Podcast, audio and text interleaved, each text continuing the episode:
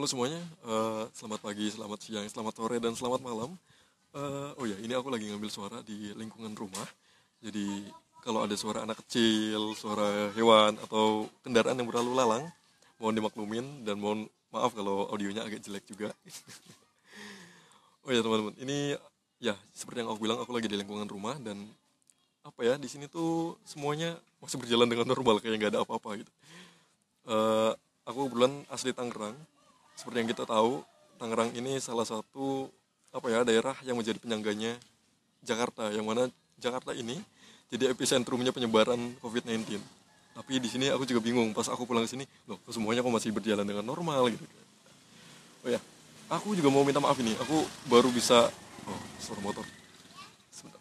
Oke, aku baru bisa update podcast, baru bisa nge-publish dan ngambil suara baru-baru ini karena ya seperti yang kita tahu dan seperti yang kita alami kuliah online gitu. kuliah online atau tugas online dan tepat banget ini yang mau kita bahas hari ini dan oh ya eh, apa ya di lingkungan FMIPA waktu itu aku juga sempat nunggu kan nunggu data survei data survei terkait kendala yang dialami oleh mahasiswa FMIPA UNY eh, terkait kuliah online ini dan jadi data yang masuk ke survei itu banyak banget teman-teman dari teman-teman FMIPA UNY sendiri Eh, jadi aku bacain beberapa aja. Eh bocah ini gue lagi rekaman deket-deket aja nih. Jadi teman-teman banyak banget data yang masuk dan ini aku bacain beberapa aja. Ya. jadi kendala yang dialami sama mahasiswa FMIPA UNY selama kuliah daring ini antara lain eh, susah sinyal kak. Banyak tugas. Paketan cepet habis jaringan kendala terkait bimbingan dan administrasi gitu. tugas terlalu banyak mahasiswa butuh istirahat juga. Kalau mau ngasih tugas ya sewajarnya aja ada juga yang tugas masya allah. Tiba-tiba kuis 100 soal masya allah. Di tengah kuis si, sinyal hilang masya allah. Ada tugas lagi masya allah. Rohaniku merasa terguncang. Gue juga gue juga sempat ngalamin hal yang sama. Maksudnya gue sempat ngeliat SW temen gue kan. Gila dan dosen itu bener-bener nggak nggak tahu waktu gitu loh. Bener-bener mereka tuh nggak tahu waktu mereka mau ngasih tugasnya mau ngasih informasinya itu kapan. Ini tengah malam mereka ngasih tahu coba Oh ini ada juga nih ada yang di bulan April ini mereka dapat 25 tugas teman-teman. Bos. Boros kuota ada dosen yang marah online kelas online is okay but no tugas bejibun online is bad. Oke oke oke. Dosen langsung memberikan tugas tanpa memberikan materi seperti halnya ketika ingin mengendari mobil tapi tidak baca cara mengoperasikannya. tidak mendapat materi sama sekali cuma tugas tugas tugas dan tugas. Oke. Maunya kuliah online bukan tugas online. Rindu kuliah tatap muka sama. Deadline-nya terlalu cepat. Tugas terlalu banyak dan hanya diberikan PPT saja. Adakah subsidi untuk kuota bagi mahasiswa? Oh ini kita udah dapat ya. Gara-gara kuliah daring dosen jarang. Bahkan tidak menjelaskan materinya seperti apa terlebih dahulu. Akan tetapi tugas yang diberikan selalu ada dan bertumpuk-tumpuk. Walaupun dengan catatan ada yang diberi waktu yang agak lama dan pengumpulan dalam pengumpulannya.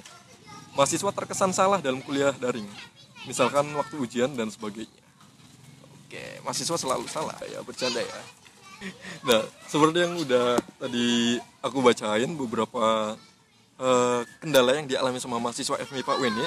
Ini di sini aku mau membahas terkait keluh kesah kuliah online. Eh, sekaligus juga apa ya suka dukanya mungkin ya jadi kemarin teman-teman melalui surat edaran Mendikbud nomor 3 tahun 2020 tentang pencegahan COVID-19 pada satuan pendidikan eh, dan nomor 36962 garis miring MPK titik A garis miring HK garis miring 2020 maka kegiatan belajar mengajar itu dilakukan secara daring dalam rangka eh, pencegahan penyebaran corona atau COVID-19. Nah, sejak diberlakukannya kuliah daring di hampir seluruh eh, kampus di Indonesia dengan tujuan menghambat laju penyebaran virus corona, bahkan ada segelintir kampus yang melaksanakan kuliah daring. Eh, yang pemberlakuan kuliah daring sampai saat ini banyak menimbulkan permasalahan di dalamnya. Jadi nggak cuma kita doang. Eh, mulai dari keterbatasan mengakses internet tugas yang porsinya lebih banyak dari perkuliahan normal eh, sampai kurang efektivitasnya pembelajaran selama kuliah daring berlangsung. Dan banyak hal yang kemudian membuat perkuliahan daring ini terasa tidak efektif. Yang pertama deh keterbatasan internet kita mulai dari akses internet ya. Gak semua mahasiswa itu dengan mudahnya mendapatkan akses internet yang baik. Apalagi mahasiswa yang sudah terlanjur balik ke kampungnya. Karena jujur aja teman-teman gue sebelum sebelum ini kan gue pakai smartphone ya. Oh gue nyebut merek sorry. Gue pakai provider itu eh, di Jogja. Ya pak. Di Jogja itu apa ya gue lancar banget tuh di sana. Tapi pas gue nyampe sini ah oke gue mulai terkendala itu kuliah daring. Bahkan gue pas lagi mau absen mau absensi di Bismart itu kan mahasiswa itu bilang hadir-hadir kayak gitu ya bilang hadir-hadir gue udah bilang hadir tapi pas di akhir gue cek lagi di riwayat chatnya dosennya bilang tolong ingatkan kepada eh, mahasiswa apa ya mahasiswa di atas di situ ada nama gue ada nama gue tapi apa ya absensi gue ini nggak masuk gitu loh nah, itu sih itu yang yang jah yang jadi kendalanya gitu. Nah, beberapa pro, pro, bu, provider eh, penyedia internet memang dapat menjangkau. Memang dapat menjangkau ke daerah-daerah yang notabene bukan daerah industri. Tapi harga yang ditawarkan untuk sebuah paket internet itu tergolong mahal. Eh, mana lagi setiap perkuliahan daring menggunakan media yang menyedot terlalu banyak kuota internet kayak Zoom atau video call gitu ya. Eh, pada dasarnya universitas di era yang serba ketergantungan internet ini menyediakan ruang bagi mahasiswanya dalam mengakses pembelajaran melalui daring atau dalam jaringan dengan mudah. Tapi pada nyataannya sarana yang ditawarkan malah tidak terpakai secara maksimal. Hanya beberapa sivitas akademika yang menggunakan media pembelajaran daring milik kampus dan yang lainnya beralih ke aplikasi yang lebih works dalam perkuliahan jarak jauh ini. Apabila eh, pihak kampus kurang mampu memvalisis, Buh, gue benci banget ya gue. Dan teman-teman, eh, kayaknya di podcast kali ini kita akan lebih banyak membahas terkait eh, keluh kesah kuliah online atau kulon dan suka dukanya kuliah online itu apa sih? Jadi teman-teman ingat nggak sih lewat surat edaran Mendikbud nomor 3 tahun 2020 tentang pencegahan COVID-19 pada satuan pendidikan dan nomor 36962 garis miring MPK titik A garis miring HK garis miring 20 2020 maka kegiatan belajar mengajar pun dilakukan secara daring dalam rangka pencegahan penyebaran corona atau COVID-19. Nah, sejak diberlakukannya ini, eh, kuliah daring ini, di hampir setiap keseluruhan kampus di Indonesia dengan tujuan menghambat laju penyebaran virus corona atau COVID-19. Buset, dah ini bocah gue lagi rekaman. deh, nanti dulu deh. Eh, bahkan ada segelintir orang, eh bahkan ada segelintir kampus yang melaksanakan kuliah daring Nah, pemberlakuan kuliah daring sampai saat ini banyak menimbulkan permasalahan di dalamnya. Jadi nggak cuma kita aja teman-teman. Mulai dari keterbatasan mengakses internet, tugas yang porsinya lebih banyak dari perkuliahan normal, ada juga yang eh, kurang efektivitasnya pembelajaran selama kuliah daring berlangsung. Dan banyak hal yang kemudian menjadi eh, yang menjadikan perkuliahan daring ini terasa tidak efektif. Misalnya keterbatasan internet. Kita mulai dari, dari akses internet. Gak semua mahasiswa itu dengan mudahnya mendapatkan akses internet yang baik, apalagi mahasiswa yang sudah terlanjur balik ke kampungnya. Di kota saja, akses internet kadang mengalami pasang surut jaringan, teman-teman. Jadi, gue tuh ya, eh, dari Jogja, waktu itu gue pakai provider tertentu. Di Jogja tuh lancar banget, tapi pas gue balik ke Tangerang, kebetulan gue asli Tangerang juga kan. eh, pas gue balik ke Tangerang tuh, buset deh ini jaringan kok tumben kok hilang gitu. Terus eh, apa ya? Apalagi, nah yang di kota aja kayak gitu tuh. Apalagi yang di daerah, apalagi yang berada di kampung apa ya, ya pelosok lah oke lah. Nah beberapa provider penyedia internet memang harus memang dapat eh, menjangkau ke daerah-daerah yang notabene bukan daerah industri, tapi harga yang ditawarkan untuk sebuah paket internet itu tergolong mahal gitu. Mana lagi setiap perkuliahan dari menggunakan media yang menyedot terlalu banyak kuota internet, kayak video call di Zoom gitu kan. Atau di Webex. Gue belum pernah pakai Webex. Eh, pada dasarnya univers- universitas di era yang serba ketergantungan internet ini itu mereka menyediakan ruang bagi para mahasiswanya dalam mengakses pembelajaran eh, dalam mengakses pembelajaran melalui daring atau online dengan mudah tapi pada kenyataannya sarana yang ditawarkan malahan nggak terpakai sama sekali atau bahkan nggak terpakai secara maksimal hanya beberapa sivitas akademika yang menggunakan media pembelajaran daring milik kampus dan yang lainnya beralih ke aplikasi yang lebih works dalam perkuliahan jarak jauh ini. Misalnya misalnya kita punya Bismart nih. Kita punya Bismart tapi aku dari sekian mata kuliah yang pakai Bismart itu cuma dua doang. Yang lainnya kita mengandalkan WhatsApp dan di WhatsApp benar-benar sangat nggak efektif teman-teman. Eh, apalagi orang-orang yang organisasi atau grup-grup di WhatsApp tuh aduh itu gue malah curhat. Nah, apabila apabila pihak kampus kurang mampu memvalid, memfasilitasi dari segi media pembelajaran, sepatutnya kampus memberikan bantuan ataupun kelonggaran akses bagi para mahasiswanya yang sedang memperlakukan pembelajaran via daring ini, semisal dengan memberikan ins- insentif eh, pulsa atau kuota internet bagi para mahasiswa dan pengembalian uang pangkal kuliah atau kuliah tunggal eh, beberapa persen agar uang tersebut diberdayakan dalam situasi seperti ini. Tapi alhamdulillahnya kita dapat subsidi juga kan. Eh, ini aku juga apa ya? Selama ini kuliah juga juga pakai VPN-nya UN-nya juga. Nah, kedua tugas tugas tugas tugas tugas tugas tugas tugas tugas. Eh, tapi yang menjadi persoalan kemudian adalah berbagai tugas yang diberikan oleh para tenaga pengajar yang menurut eh, gue ini sangat membebankan membebankan mahasiswa saat ini. Mulai dari deadline yang mepet banget sampai porsi tugas yang diberikan tidak seperti pada perkuliahan sebelumnya. Kayak yang tadi apa ya dari data survei tadi itu ada yang bulan April itu ada yang mereka dapat tugasnya itu 25 tugas dalam satu bulan. Gila sih. Eh, gini apa ya? Ya tadi yang gue bilang mulai dari deadline yang sangat mepet sampai porsi tugas yang diberikan itu nggak kayak kuliah tatap muka. Mungkin pemberian tugas seperti ini sebenarnya itu meru- merupakan bentuk ke apa ya ke gaptekan. Jadi ya pemberian tugas-tugas kayak di WhatsApp, PDF, lu cuman dikasih materi nih, baca materinya terus lu kerjain tugas-tugasnya. Mungkin itu bentuk dari kegaptekan atau kemalasan dosen dalam melakukan kuliah daring. Atau mungkin para dosen-dosen yang memberikan beragam tugas pada hakikatnya melatih mahasiswa dalam menghadapi tekanan yang mungkin aja akan mereka alami dalam dunia kerja. Ah, mungkin hanya Tuhan yang tahu maksud dari semua ini. Yang jelas dalam pemberian tugas semacam ini hanya akan memperburuk keadaan mahasiswa saat ini.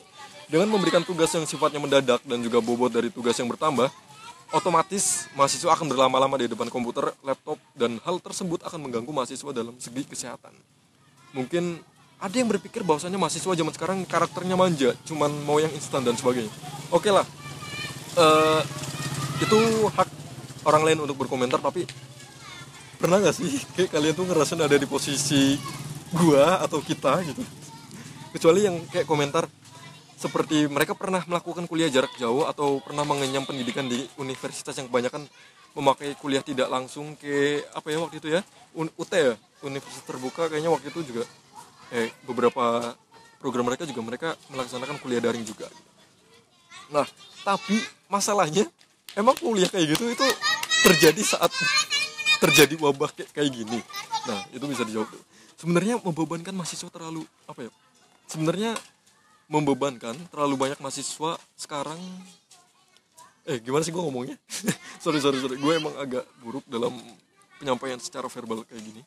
Jadi sebenarnya membebankan terlalu banyak tugas pada mahasiswa sekarang ini bukanlah sebuah solusi bahkan banyak dari para akademisi, pengamat, bahkan beberapa dosen yang mengkritik gaya pembelajaran yang membebankan kayak gini. Karena hakikat dari tugas adalah sebagai stimulus dalam belajar. Tapi, dengan pemberian yang berlebih, saat ini membuat tugas kehilangan maknanya. Selanjutnya, kurang efektif.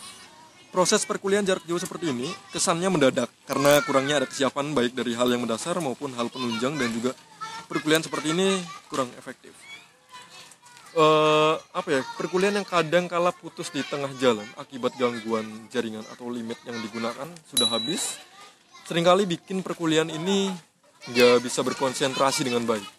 Nggak bisa berjalan dengan baik. Nah apalagi jam perkuliahan yang kerap nggak sesuai dengan kartu rencana studi. Eh buset ini bocah pada ngumpul di gua semua. Ya jadi sering kali jam perkuliahan ini mereka nggak kenal sama apa yang udah dijanjikan di kartu rencana studi gitu loh di KRS kita. Memang pada awalnya ada kesepakatan dengan para mahasiswa tapi hal ini apa ya sekiranya ini mengganggu dari segi waktu yang baik untuk belajar mungkin kurang efektifnya dikarenakan hal ini merupakan hal yang baru dialami oleh tenaga pendidik maupun mahasiswa. Eh, maka dari itu diperlukan adaptasi agar mahasiswa ataupun para dosen terbiasa akan hal yang baru seperti ini. Nah pemberian materi dari dosen ke mahasiswanya dalam perkuliahan online ini mungkin bukan jadi kendala yang berarti lantas timbul pertanyaan bagaimana dengan pembelajaran yang sifatnya praktik? Apalagi kita MIPA banyak praktikumnya. gitu. hal ini yang menjadi kendala karena sulit dilakukan karena teman-teman eh, di fisika kebetulan gua fisika murni kan jurusan gua fisika murni gua ada praktikum sistem digital juga dan itu kita melakukan secara online karena, karena memang apa ya itu masih bisa ditanggulangi. Nah kemudian kuliah daring ini bisa menjadi dilema sebenarnya. Dilema sebenarnya kita ngomongnya itu dilema atau dilema sih? Dilema tersendiri bagi mahasiswa mahasiswa akhir. Sampai ada petisi petisi petisi petisi yang mendesak kementerian dan kebudayaan untuk membebaskan biaya kuliah dan tugas akhir bagi para mahasiswa semester akhir. Kesulitan dalam mengambil data, penelitian, sampai bimbingan skripsi menjadi hal yang membuat kuliah daring menghambat proses tersebut.